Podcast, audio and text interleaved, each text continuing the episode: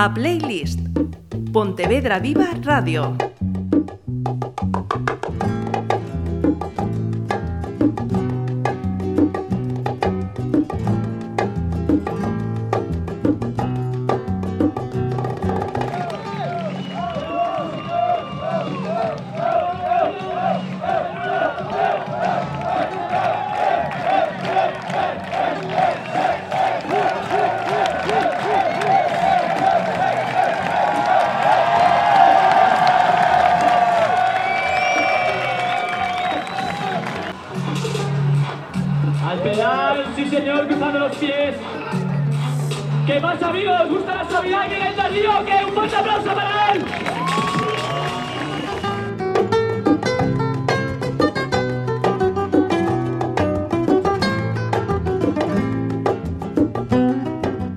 Tal? Llegamos a este momento de los viernes en los que conocemos a una persona por su ámbito profesional, por su ámbito eh, personal y también sus preferencias eh, musicales. Es decir, estamos en la playlist. Y nos hemos traído hoy a una persona muy joven, eh, que se nos ha venido desde Marín y, y, la verdad es que si, veis lo que hace sobre la bici, son auténticas virguerías. Yo eh, desconocía que esto se llamaba Flatland.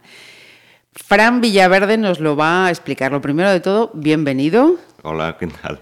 Tiene una voz de radio estupendísima, lo vais a, lo vais a comprobar enseguida. Y tiene experiencia además delante de los micros que me lo ha chivado a mí hace, hace poquito.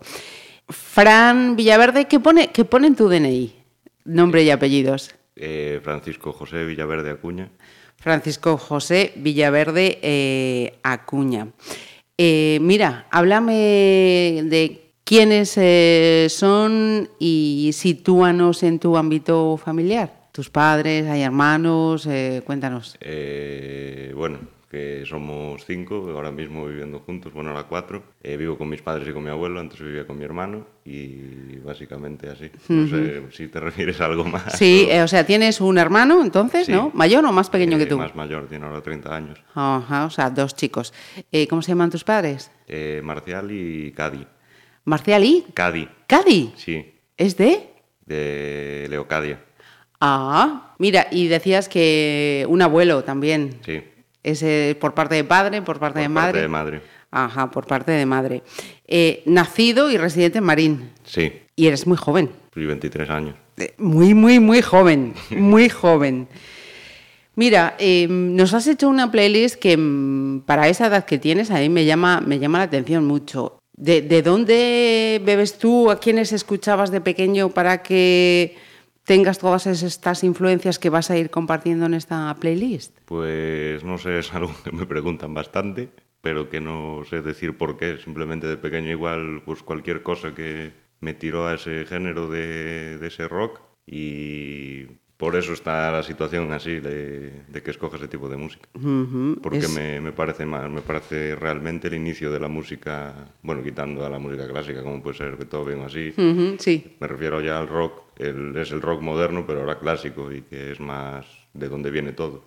Hay que decir que es, es buenísima. Y aún así decía, y me he dejado por ahí a los Dire Straits, Sí. a... ¿Qui- ¿quiénes nos faltan? Por ejemplo, en esta playlist que no nos caben todos, ya lo siento. Pues me faltaría Deep Purple, me faltaría eh, Dire Straits, me faltaría Pink Floyd, me faltarían muchos, muchísimos, que ahora no me vienen a la mente porque hay tantos. Claro, pero claro. Pues eh, fijaos, para que luego digan otro ejemplo más eh, de que los más jóvenes también saben a- apreciar ese rock clásico, como dices tú, pero que nunca pasa de, de moda. ¿Y con qué vamos a comenzar entonces, Fran? Pues con Symphony of the Devil de los Rolling Stones. Casi nada.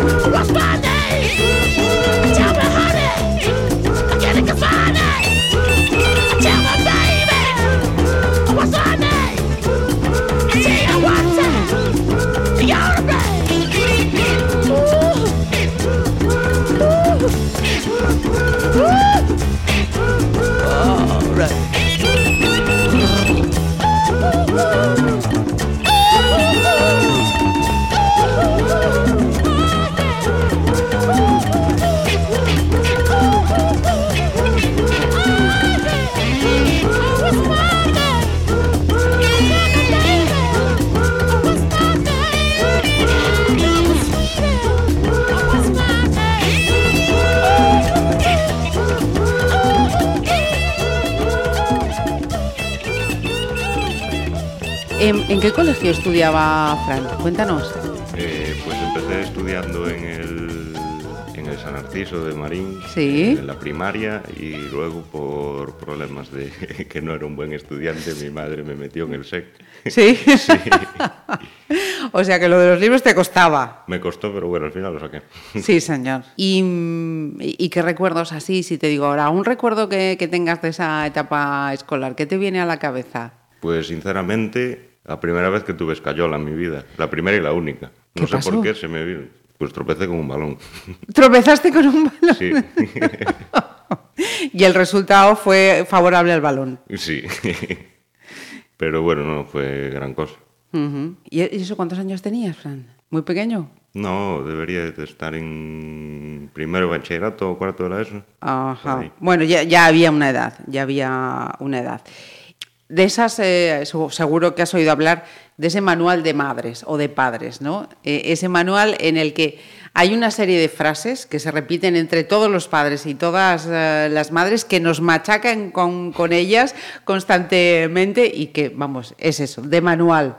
¿Tú, tú qué frases de esas de, padres de manual tienes grabadas en la memoria porque estuvieran ahí constantemente? Fran, esto, Fran, Bueno, no era Fran, porque cuando era algo de Manuel era el nombre entero. ¿Qué? eh? ¿Ves? Eso, eso es de manual. Cuando un padre o una madre está enfadado, te llama por el nombre entero. Eso está en el manual, vamos. Primer, segundo capítulo, no me voy muy lejos. Y luego así más, eh, pues nunca, no, no fue nunca ese manual de, de el que voy ahí lo encuentro yo, que sea eso, no, no tengo ese que me haya calado tanto ese manual más que como me diga el nombre entero ya no hace falta nada más. Ahí ya lo resume todo, ¿no? sí. Con el nombre simplemente ya se decían muchísimas cosas. Vale, vale. ¿Y, y quién, ¿Y quién era más de esa táctica, tu padre o tu madre? Pues mi madre. Las madres, es que sí, sí, más, más habitual. ¿A qué edad eh, montaste en bici por primera vez? de montar en bici de, cuando- desde, no sé, igual los 6, 7 años, pero de, de la bici de como todo el mundo. De como todos, ¿no? Sí, De, de, de- de usarla bien. de usarla bien, vale. E- Esa definición me ha, me ha quedado. Mira, eh, hay una mm, película de hace muchos años, tú no habías ni nacido, seguramente, que se titulaba eh, Las eh, bicis son para el verano. Eh, ¿Tú las bicis son para el verano o son para toda la época del año? Sí, totalmente. Llueva o haga sol. Sí, sí. Bueno, realmente te refieres a que la uso siempre, Sí. ¿no? Eh, Pues sí, la uso en cuanto puedo. Eh, es algo que me gusta, que disfruto muchísimo de ello. Y si llueve, pues me voy a sitios donde pueda practicar el deporte cuando no llueve, donde no me pueda mojar. Y cuando hace sol, pues a disfrutar hasta, si, si puedo, estoy cuatro horas, cinco, seis al día, disfrutando con todo. Pa- ¿Para hacer acrobacias o también como medio de, de locomoción? Pues mm, lo utilizo para moverme un poco, pero porque Marín es extremadamente pequeño y no tengo ni siquiera frenos, entonces... Ah, vale.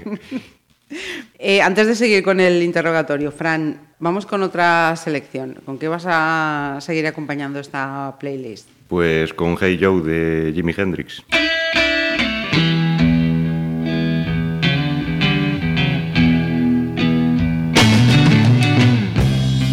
Hey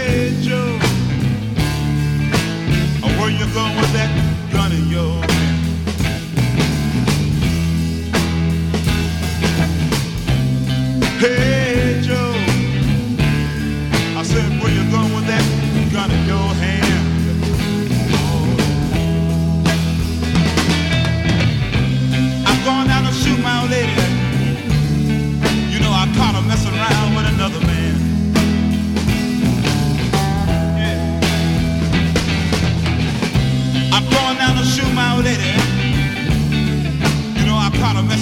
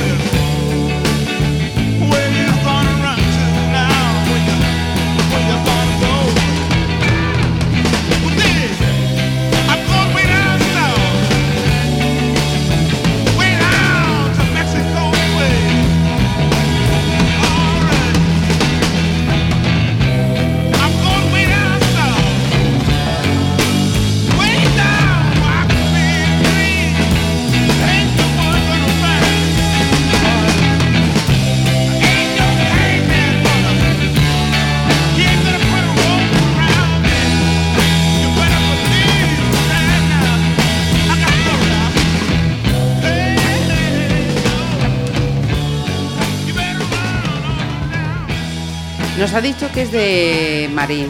eh, no te has movido de allí, o sea, de momento mm, campamento base, Nada, Marín. nada. Vale. Yo te pregunto, si nos vamos a cuatro momentos del año en el calendario marinense, como son eh, los carnavales, las fiestas del Carmen, eh, San Migueleiro o las Navidades, ¿en qué orden me las pondrías por preferencias de Fran? Pues quizás las fiestas del Carmen, eh, Carnaval, las- San Migueleiro, Navidades. las Navidades, eh, los carnavales y San Migueleiros, que llevo cinco años que no estoy en ellos, no me cuadra estar en ellos. Ajá. Hay compromisos que atender y no se puede, no se puede Sí, estar. pues siempre me cuadro con algo de la bici o desde hace tres años o así, siempre me cuadro con algo de la bicicleta. Ajá. Vale, o sea que sepáis eh, que si no está es porque tiene compromisos que atender. Mira, mm, ¿cuántas bicis has tenido en tus 23 añitos? Pues de las de cuando De antes las que sean. Eh, tuve una, tuve dos eh, antes de comprarme la BMX y de esas dos luego ya dejé de utilizarla.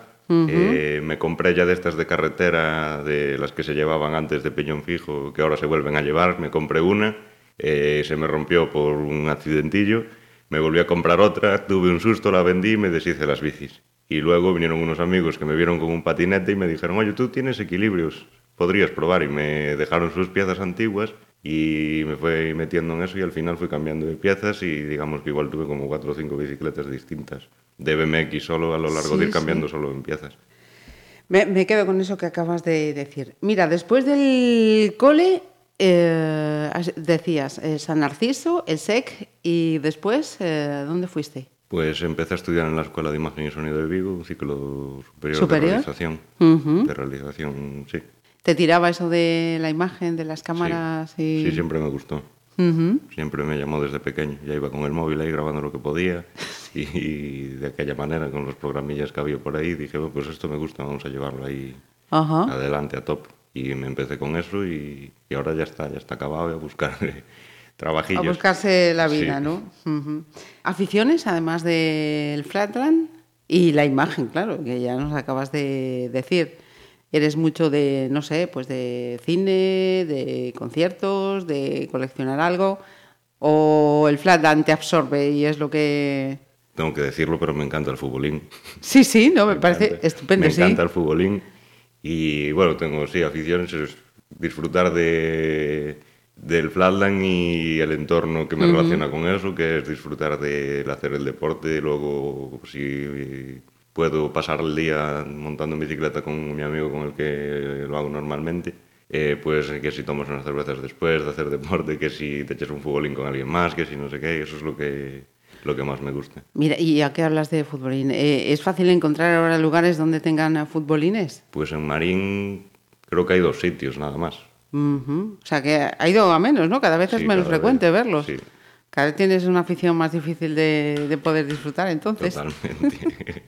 Mira, ¿y qué tal eres en el futbolín? bueno, se hace lo que se puede. Vale. Muy bien. Eh, vamos con otra selección, Fran. Pues Locomotive Breath de Jethro Tull.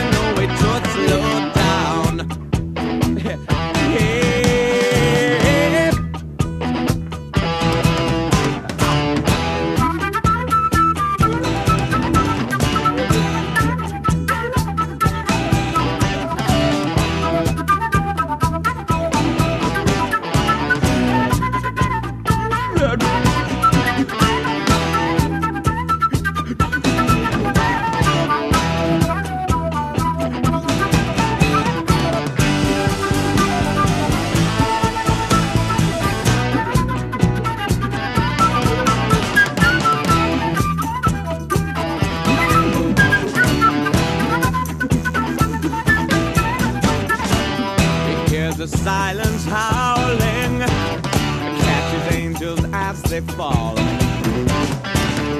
And the all-time winner has got him by the balls. Oh, he picks up Gideon's Bible,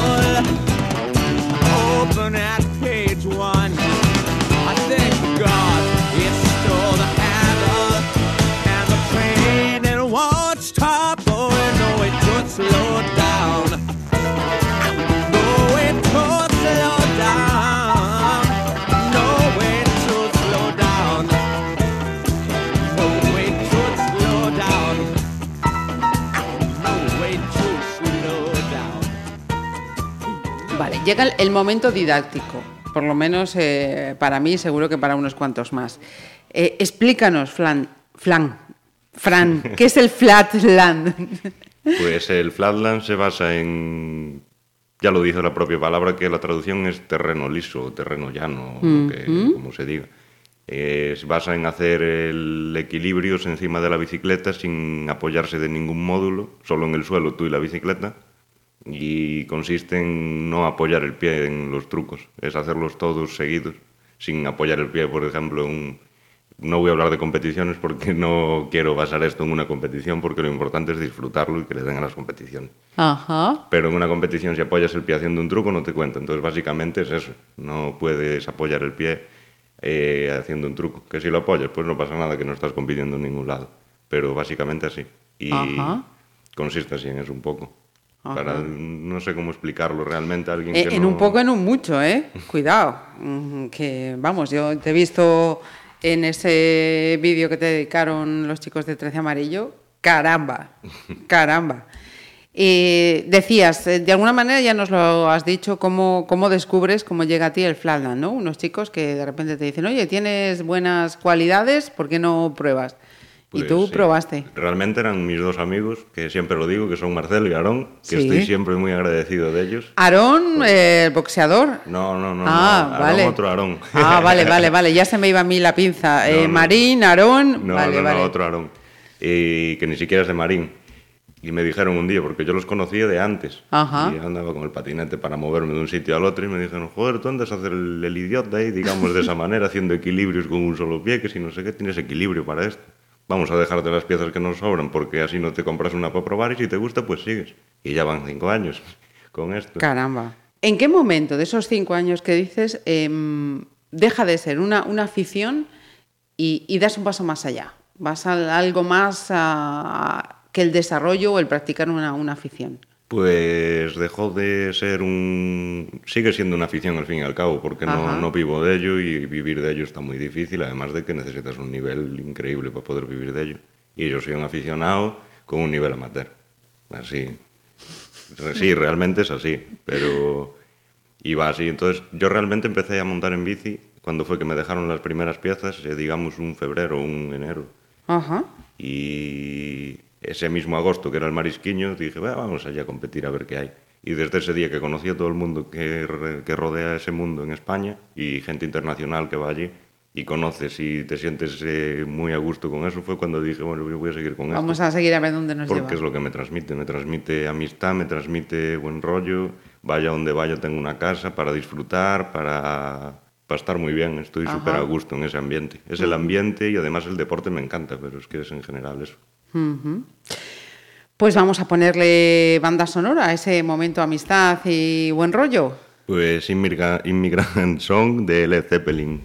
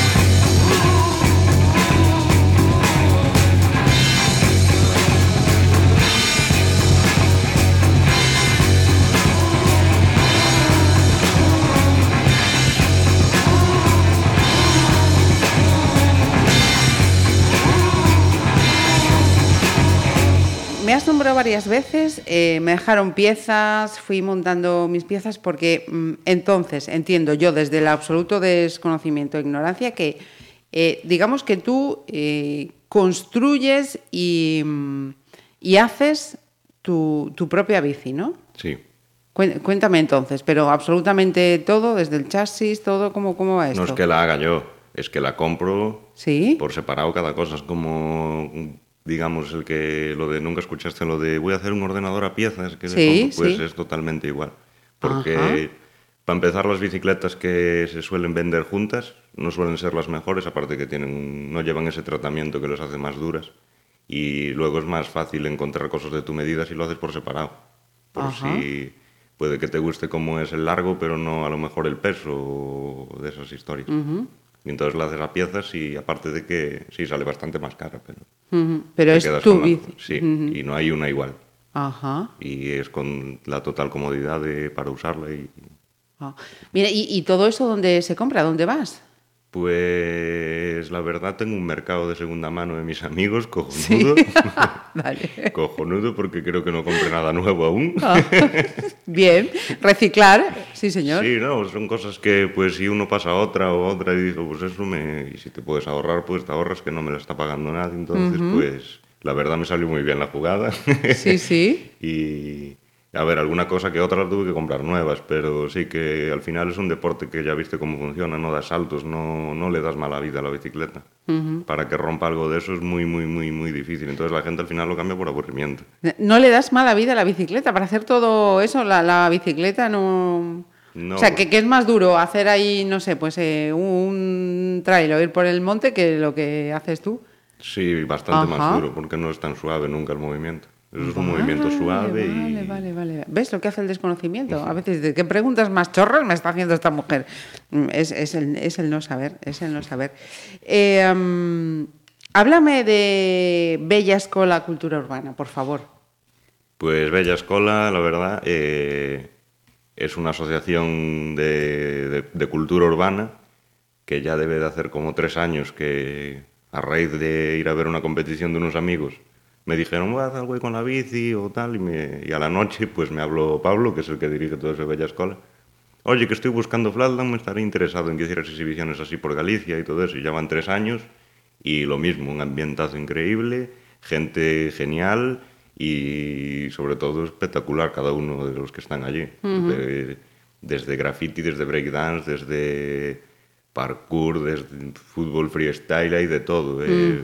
Se me dejan cosas atrás y el, Sí, yo he estado echando un vistazo a su página web y la verdad es que la cantidad de propuestas y actividades que hacen es, es increíble. tremenda. No están aquí, están en Noya, creo, ¿no? Sí, en Noya. Ajá. Es Noya. No, no hay una entidad eh, de estas características en el resto de, de Galicia, ¿o sí? Mm, Yo creo que no, no.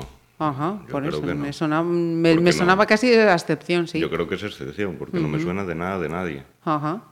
Y serían necesarias propuestas de, de estas, ¿no? Porque sí que he visto que tienen muchísimo público. Pues y sí, participantes, no solo público. Parece que hay gente que tiene la cultura urbana como... Esa era otra pregunta, sí, como algo mm, denostado, ¿no? No está Sí. demasiado bien visto todavía. Sí, si quieres dejamos esa pregunta para luego, pero entonces te explico así, pero Por favor. Tiene, tiene que ver, porque la gente tiene como, bueno, se andan la bici, andan no sé qué, no sé cuánto, van allí, no sé cuánto, por culpa de cuatro, que se compran el patinete para tener la excusa de ir allí. Pero realmente con lo de Bella Escola te das cuenta de que los ayuntamientos, que son los que llevan esas iniciativas, apoyan eso y disfrutan viéndolo, incluso en mi caso no puedo porque es inmaterialmente imposible en dos horas explicarle a un niño cómo hacer cualquier cosa de lo que hago. No porque sea muy difícil, pero necesitas igual cierta constancia. Claro. Y no es como directamente enseñar a pedalearle, eso podría.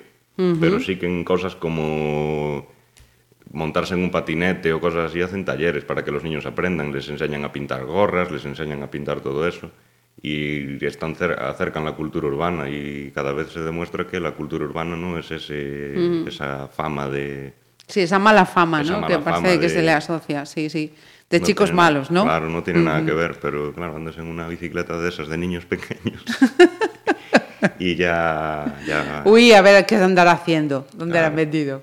Eh, pe- pesa mucho eso, ¿te duele eso, Fran, no? Que, que todavía se mire con esos ojos eh, propuestas como, como esta que tú practicas.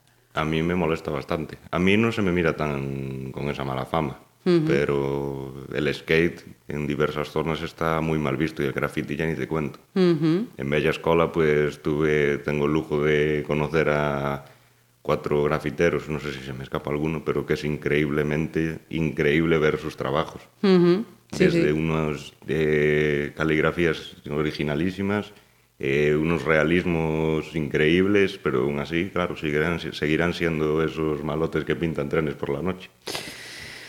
Sí, señor, sí, señor. ¿Cómo se siente, Fran, cuando se sube a su bici de Flatland? Pues parece que es lo típico que dice todo el mundo, pero al final te desinhibes. Porque estás ahí, te montas en eso y no- sin querer no piensas en otra cosa, porque es que es imposible. Imposible, no, no soy capaz de pensar en otra cosa, pero porque es que si no me caigo. Blanco y en botella leche, no hay más. Es que no puedes pensar en otra cosa, entonces al final te das cuenta que cuando acabas dices, hostia, pues no estuve pensando en esto. pues Sí, es señor. así totalmente. Eh, cuéntame también eh, la siguiente selección y síguenos dejando con la boca abierta con tu selección. Pues es Fortunate Song de Creedence Clearwater Revival.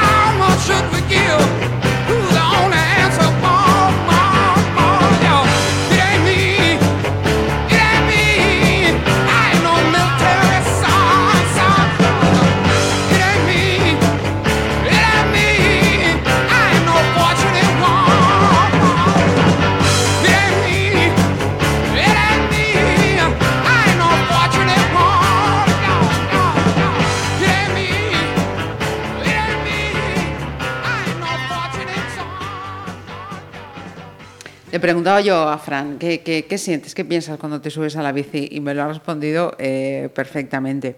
Yo escuchándote en ese vídeo eh, de 13 amarillo decías, esto es eh, paciencia, es constancia, es superación.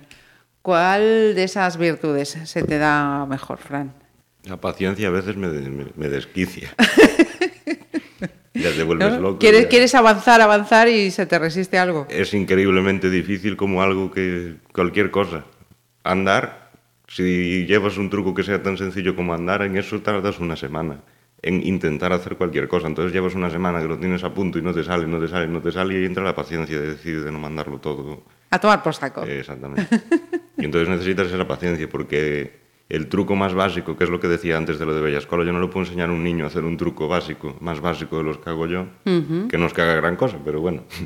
Yo Partiendo. vincularemos algunos vídeos para que te vean. Pero bueno, eh, hay, el truco más básico con el que aprendí me llevó una semana.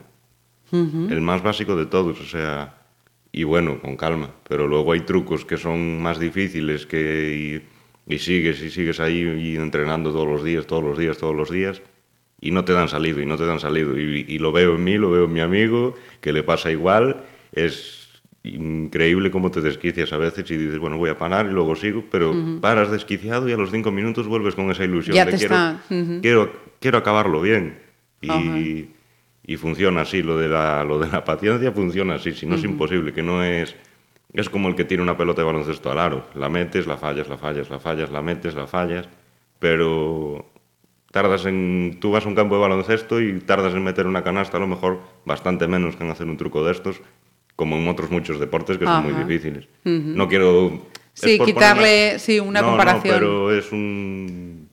Es algo que es de un equilibrio, que hay que tener un equilibrio, una paciencia para eso. Me estoy liando un poco porque... No, no, no, no, te entiendo perfectamente. ¿eh? Y de hecho, eh, pues como cualquier otra práctica deportiva, requiere eso, esa constancia, esa paciencia, eh, estar ahí constantemente y ese espíritu de superación, ¿no? Igual eso, pues hoy no me haya salido y estaba ahí como una hora o dos horas intentándolo y no ha sido, pero mañana vuelvo e Sí, insisto. totalmente. Que es que no sé cómo explicarlo. Puse el ejemplo del baloncesto como lo puede ser lo del fútbol, pero me refiero, eh, no es algo que llegues y en cuestión de media hora lo hagas, porque en cuestión de media hora tú coges y puedes meter un gol en una portería. Sí. Lo difícil está en correr por el campo, disfrutar de disfrutar, hacer el ejercicio físico y todo eso.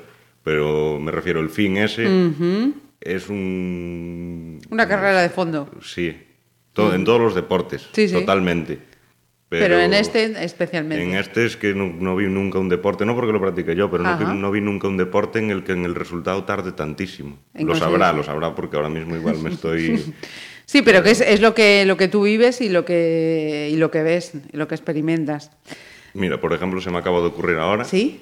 El esfuerzo que tiene un ciclista que corre el Tour de Francia, por ejemplo, es in- infinitas veces superior a, no sé, creo que es el deporte más duro de todos. Ajá. Pero por mucho esfuerzo que sea, están pedaleando, Sí. están haciendo su deporte. El resultado es pedalear, aun ganar y todo eso. No sé si me explico, ¿sabes? Sí, sí, te entiendo. Yo te, te entiendo perfectamente y los que estén escuchando seguro que, que también. El- lo que yo digo es que yo estoy intentando hacer una historia que no me da salido y no me da salido y no me da salido y me tardo una semana para, para poder Para que- hacerla como mínimo. Ajá. Mientras que pedalear en sí, ya sé. Ya es, claro. Eh, Es lo que Sí, sí. quería decir. Es que es tan Eh. difícil de explicar así. Es, es- Explicas bien y no, te hemos entendido perfectamente, Fran. Eh, ¿También es una vía de escape para ti? eh, Es decir, tienes un día así cabroncete de estos que dices, "Joder, es que no hay nada que me haya salido bien hoy. Y dices, buf, necesito subirme a la bici y echar fuera ahí todo eso que, que llevo hoy encima. pues sí, la verdad me, me pasa bastante. Bueno, me pasa bastante. Me pasa Sí, hay días. Me refiero, hay días en los que ah, utilizo ese recurso para escapar y me voy a andar en bici tan tranquilamente y luego ya se me pasa. Eh, ¿Cuántas horas le dedicas a, a diario? Porque lo practicas todos los días o descansas alguno. Mm, Practico, no sé si todos los días, todos los días no, porque al final entra la lluvia y hay días que ya estás cansado o cualquier cosa, pero sí que hay días que practico pues cuatro horas, otros días practico una, otros días pues solo me da para media hora, solo para no oxidar en el día y por las mañanas Eh, si tengo alguna mañana libre, pues practico esa media hora, o si no por la tarde, o...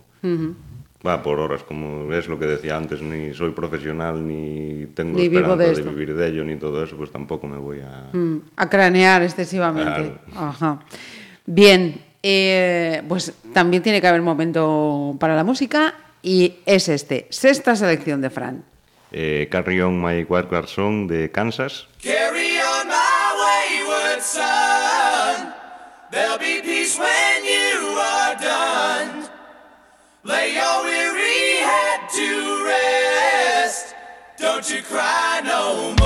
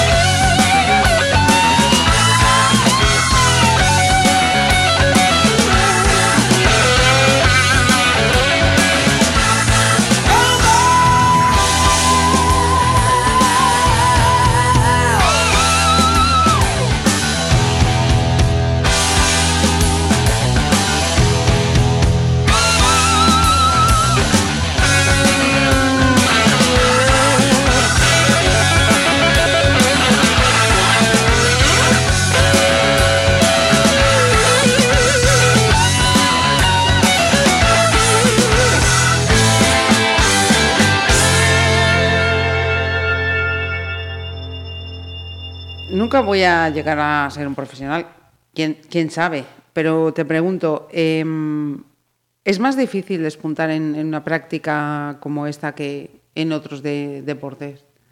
Es dificilísimo. Sí, porque... Hay, hay deportes y deportes en los que es más o menos fácil, pero esto es dificilísimo. Porque no hay espacios, porque no hay No, les- promoción, porque... ¿Por qué? Por, eh, no sé, digamos, hay un número, por ejemplo, que parte esto me lo dijo, se lo escuché decir a- al que es ahora el actual campeón de España, eh, que si, por ejemplo, hay 10.000 personas en el mundo que hagan este deporte, 5.000 están en Japón. Eh, eh, espera, 10.000 en el mundo y solamente 5.000 en Japón. Por poner un número, ¿eh? Sí, sí, Por sí. poner un número, igual me estoy columpiando diciendo sí. cosas, pero para que te hagas una idea, en Japón hay una cantidad de personas que se dedican a esto porque hay escuelas. Ah, En, ahora en Francia creo que hay una escuela o por la República Checa hay otra escuela de esto, pero en general es un deporte más como ves ahora. De hecho, en España, te lo digo así rápido, somos eh, tres en Galicia porque ahora hay un chaval de Venezuela que vive en La Coruña. Somos tres en Galicia, cuatro, ahora cinco. Bueno, al final se vinieron más porque uno de Madrid también vive aquí, somos seis, somos en Galicia, pero seis, de todo Galicia, seis. Y en Madrid, que son los máximos, deben de ser como mucho 20. En Salamanca, dos. En el País Vasco, dos. En Valencia, Caramba. cinco. Por ponerte un número así aproximado. Y Sí, en no, Barcelona claro. sí hay dos, que si en Sevilla hay dos o tres o nada, ¿no? Sin embargo, vas a gente que haga el BMX normal de saltar y todo eso. Y ya en Galicia debe de haber como tropecientos, tropecientos mil de ellos. Ya, ya. Eh, mm, con lo cual, eh, eventos y posibilidad de, de exhibiciones y competiciones, ¿cuántas? Las exhibiciones, la oportunidad es de Bellascola totalmente. En cuanto a competiciones, pues el Marisquiño eh, en verano. Luego te, te puedes ir a Zaragoza en una que se hace, que se están pendiente a ver si se hace el año que viene de nuevo. Luego en Madrid, y si no, ya te tienes que ir a Francia. De todas esas, eh, ¿en cuántas has participado? Pues participé en el Marisquiño, llevo cinco años participando.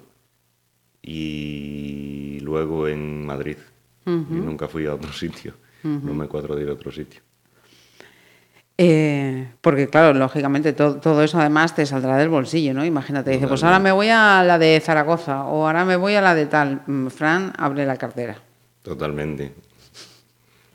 Y eso tampoco será barato.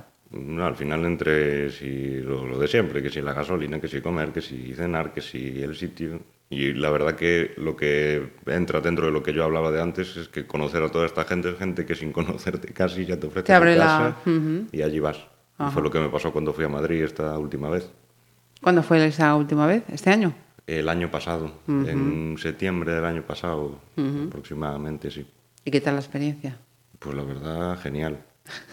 Genial. Me lo pasé muy bien. Y supongo que ahí también es importante, ¿no? Los contactos y la gente nueva que conoces, esas puertas que te abren. Sí, de hecho, eh, para mí es como, digamos, la, la persona de esa competición. Es alguien que conoces en esa competición que haces ahí amistad para, para siempre. Ajá. Porque eh, ahora que hablas de competiciones, eh, ¿rentabilidad eh, qué te da? ¿Para la bolsa de pipas? ¿O para una rueda? A o... veces, a veces me dan las gracias. Ah, Muy bien. Bueno, por lo menos la educación que no falte, oye. la educación que no, que no falte. Pero, o sea, nada, nada de nada. Rean de rean. Eh, pero en rentabilización, ¿a qué te refieres? Pues que si vas a una competición, eh, que hay una- un premio económico, hay algo que, ah, que os... sí, hay premios económicos, lo que pasa que yo es que ni siquiera me los planteo. Entonces, no... Por ejemplo, en el Marisquiño, en la categoría mía, que es, digamos, amateur o máster, eh, hay piezas. Y, y luego en la categoría profesional eh, hay, más, hay dinero, es económico ya.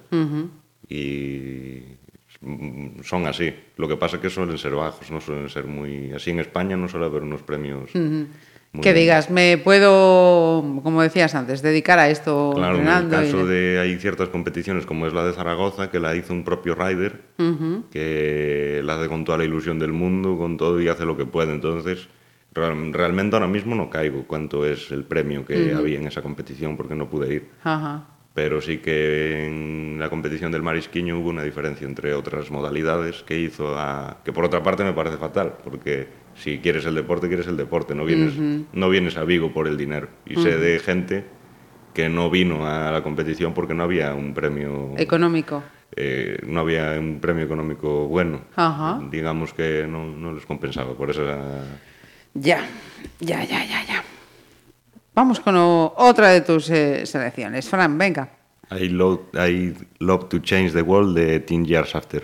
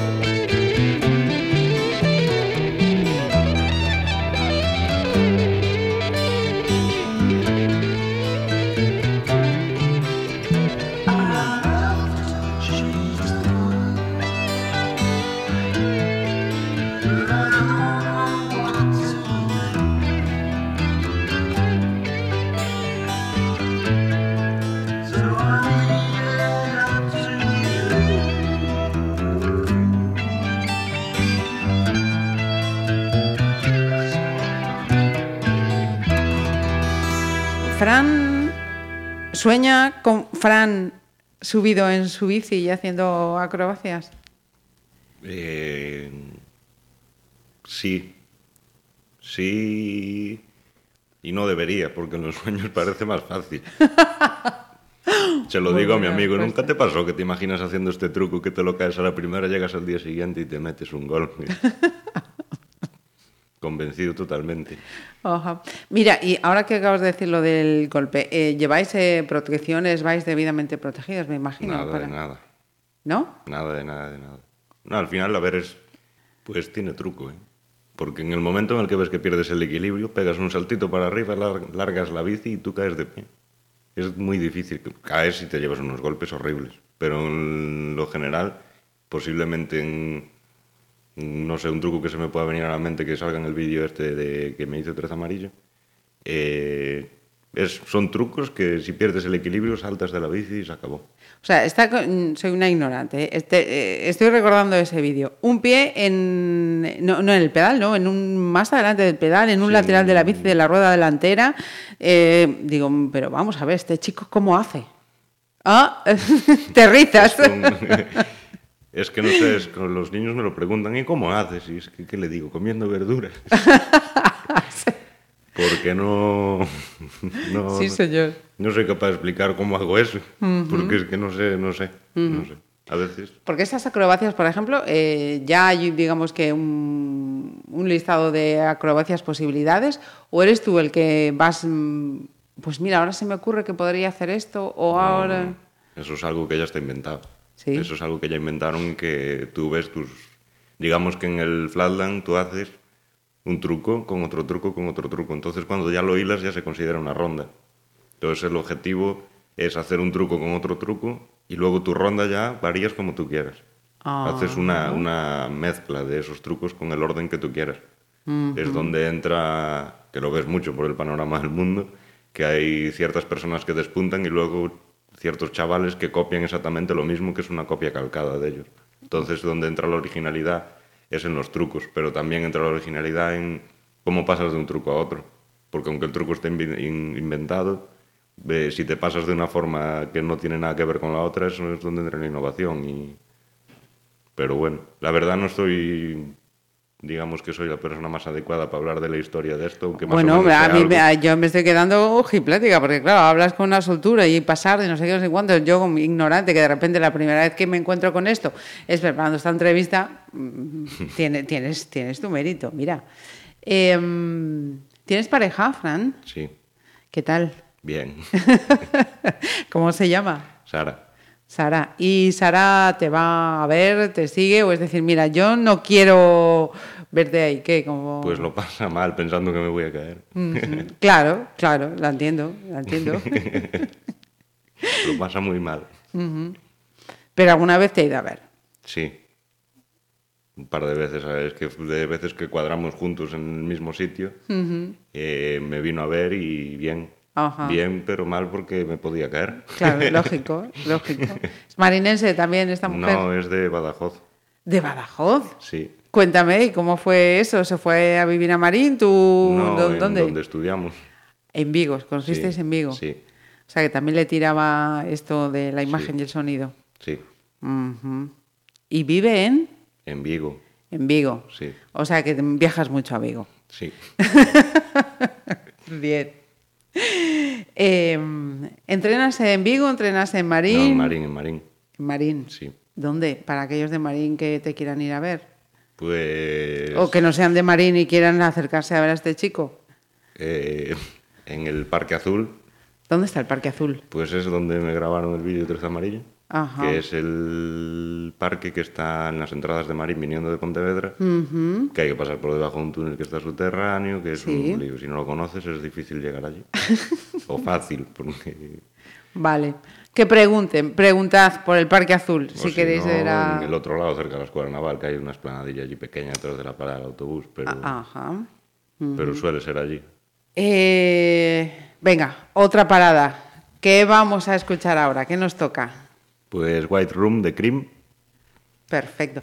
Por cierto, eh, mientras estás con la bici, ¿no, ¿no es posible estar con la música o sí? sí, sí, Sí. sí. ¿Y eso inspira, te hace venirte arriba? Sí, la verdad que sí, me, me gusta mucho disfrutar de, de esta música, sobre todo eh, mientras eh, monto en bicicleta. Ajá. De hecho, podría decir una cosa que me falta en esta playlist, pero una de las canciones básicas que utilizo para montar en bicicleta es Paco de Lucía. ¡Anda! Sí, la de Entre dos aguas concretamente. Es que es muy grande. es muy grande. Escucho esa canción siempre que ando en bicicleta. Al menos una vez la escucho porque me, me transmite bastante. Ha dicho. No tengo nada más que añadir.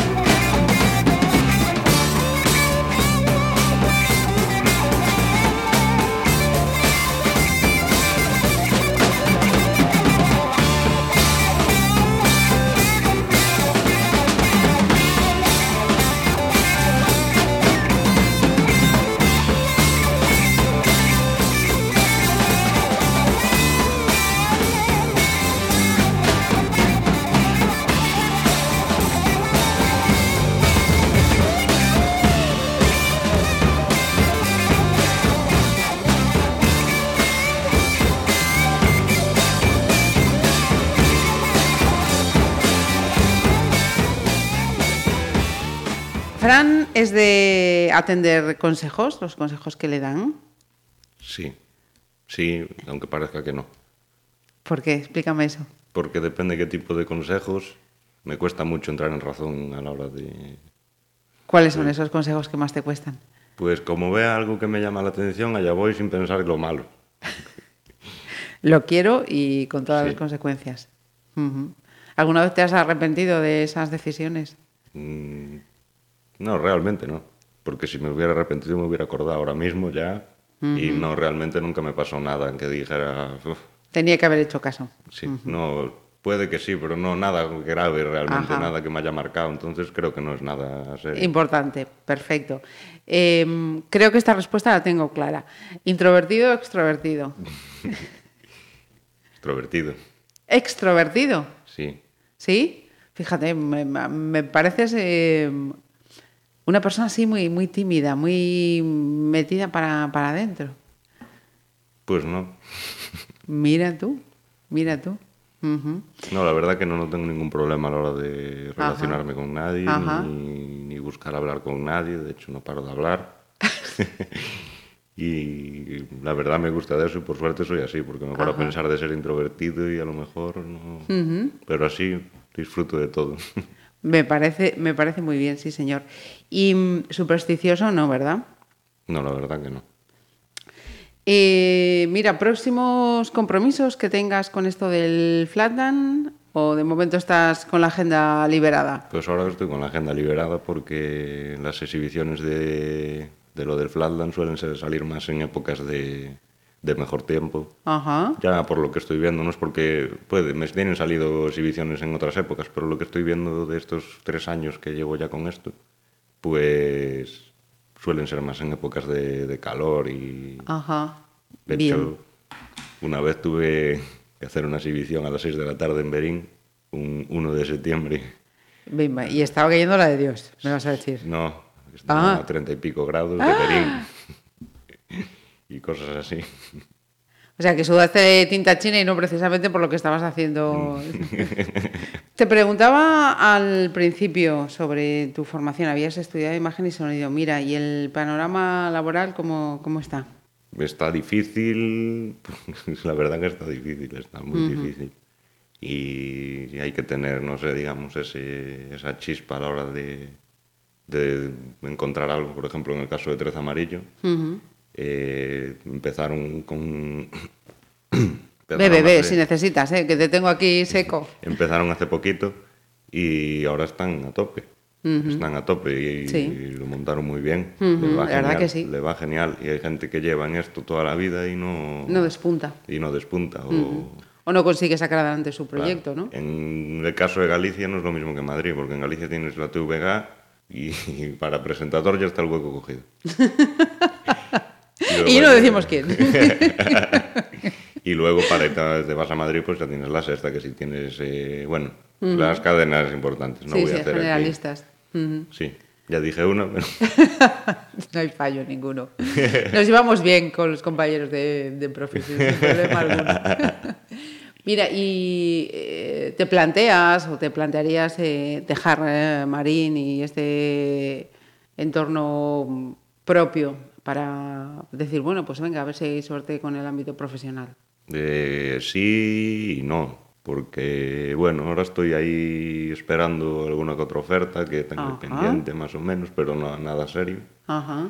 Y van así las cosas. Realmente es algo difícil que hay que plantearlo muy bien.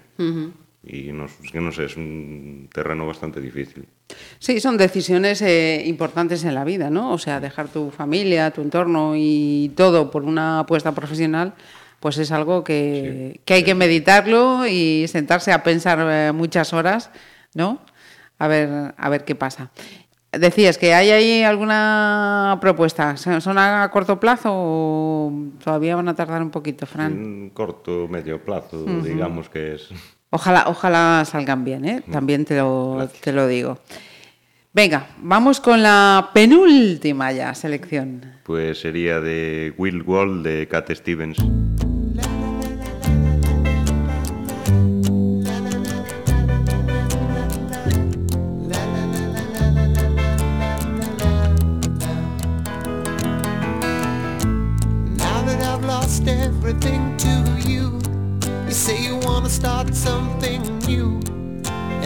Breaking my heart you're leaving.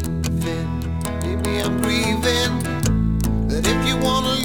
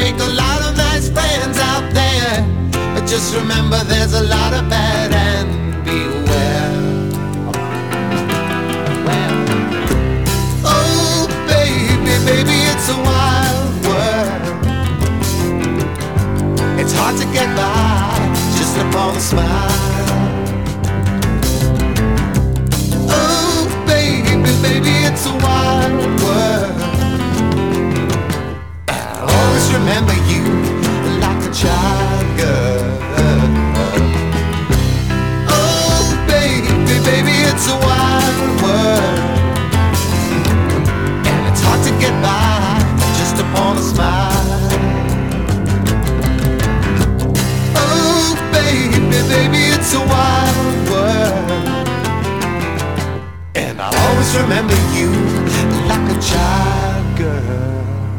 Frank, ¿qué te gustaría alcanzar sobre una bici? Pues poder bajar a montar tranquilamente y de voy a hacer esto y hacerlo. Pero saber cómo disfrutar el proceso. O sea, prefiero llegar a los 30 chupando todos los golpes posibles para hacerlo, que no ahora me den la posibilidad de llegar a hacerlo. Porque también es hiper bonito disfrutar del aprendizaje de esos trucos. Porque Sí, es señor. increíble. Me gusta, me gusta eso que acabas de decir. Y si llevamos la pregunta mm, fuera del ámbito del flatland y la bici, ¿qué te gustaría alcanzar? Pues ¿Qué preguntas más jodidas haces a tía?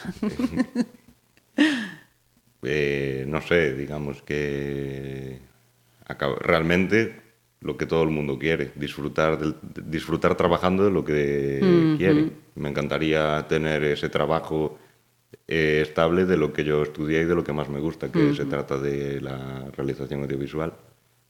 Y bueno, básicamente en ese ámbito es a lo que aspiro. Pero es una cosa que está difícil que hay que Si alguien busca realizador audiovisual, ya sabéis, tenemos aquí a Fran Villaverde. Dicho queda. Eh, mira, ¿tienes alguna eh, manía, ritual, eh, superstición antes de subirte a una bici en una exhibición, una competición? ¿O al entrenar mismamente? No, la verdad que no. De hecho, debería tener esa manía mala de estirar cuando acabo y no lo hago. Vale, vale. Pues deberías hacerlo, efectivamente, efectivamente. Eh, ¿Algún, eh, o eres seguidor, eh, fan incondicional de, de alguien? ¿De alguien en qué aspecto? ¿De la bicicleta? Dentro y fuera de la bici. No, la verdad que no, no me desvivo ahora mismo por algo o por alguien. de, me refiero, no, no sé, me gusta algo, pero no hasta el punto de solo eso. Me parece imposible no, no disfrutar a lo mejor de, pues en el caso de la bici, de, de alguien. Hay algún alguien profesional que me, me gustará mucho, pero no me aporta todo eso que me puede con otra gente. Porque No te como- obcecas con, con alguien, no te gusta ampliar el abanico. Sí, es como en el fútbol. Ahora futbolistas más rápidos y otros más técnicos. Y dices, bueno, pues me quedo con algo de este, algo con el otro, Ajá. o así en general. ¿Eres futbolero ahora que mencionas el fútbol? No, la verdad que veo el Celta y se acabó. Dale.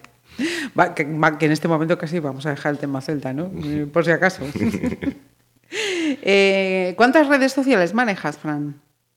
Pues el Facebook y el Instagram.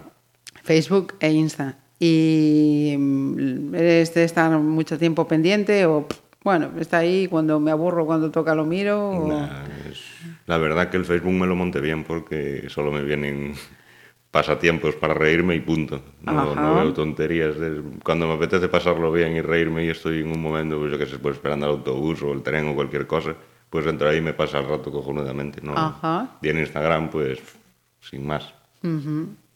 ¿Tienes eh, más seguidores que los que tú sigues o al revés? 50-50. No, no lo sé. Yo creo que me siguen más, pero Ajá. no lo sé, no lo sé. ¿Y podrías pasar una semana sin móvil? Sí. Bueno, sí, sí, sí. Sí. Sí, lo que pasa que es que el Spotify lo utilizo mucho.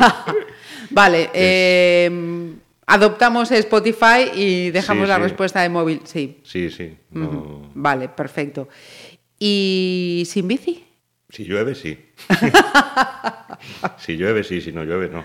Ajá. Vale, vale, vale, vale, vale.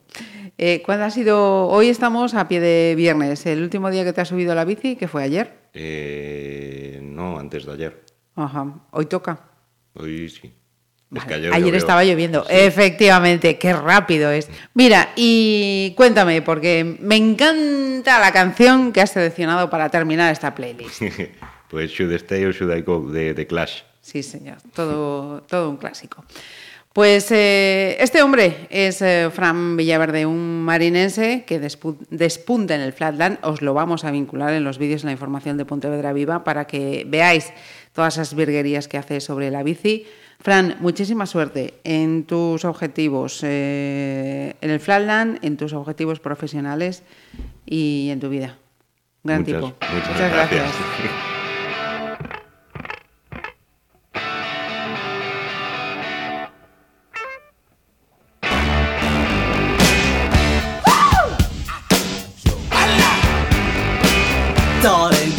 To let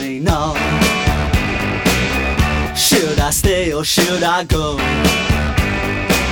If you say that you are mine, I'll be here till the end of time. So you got to let me know. Should I stay or should I go? It's always tease, tease, tease. You're happy when I'm on my knees. One day is fine and next is black. So if you want me off your back, well come on and let me know. Should I stay or should I go? Should I stay or should I go now? Should I stay or should I go now? If I go, there will be trouble.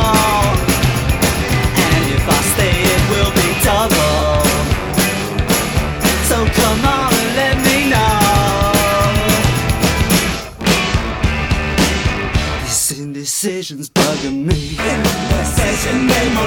If you don't want me, set me free. Exactly whom I'm supposed to be. Don't you know which clothes even fit me? Come on and let me know. Should I cool it or should I blow?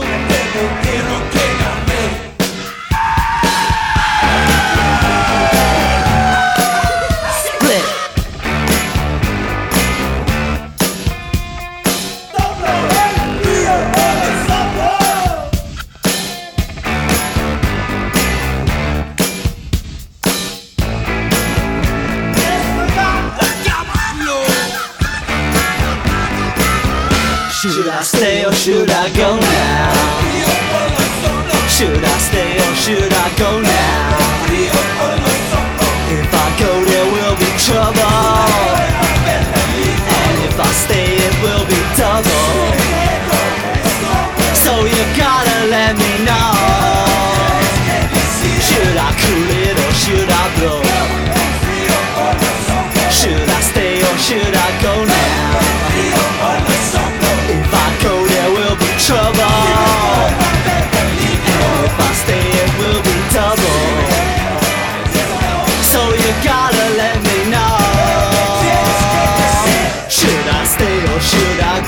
Pontevedra Viva Radio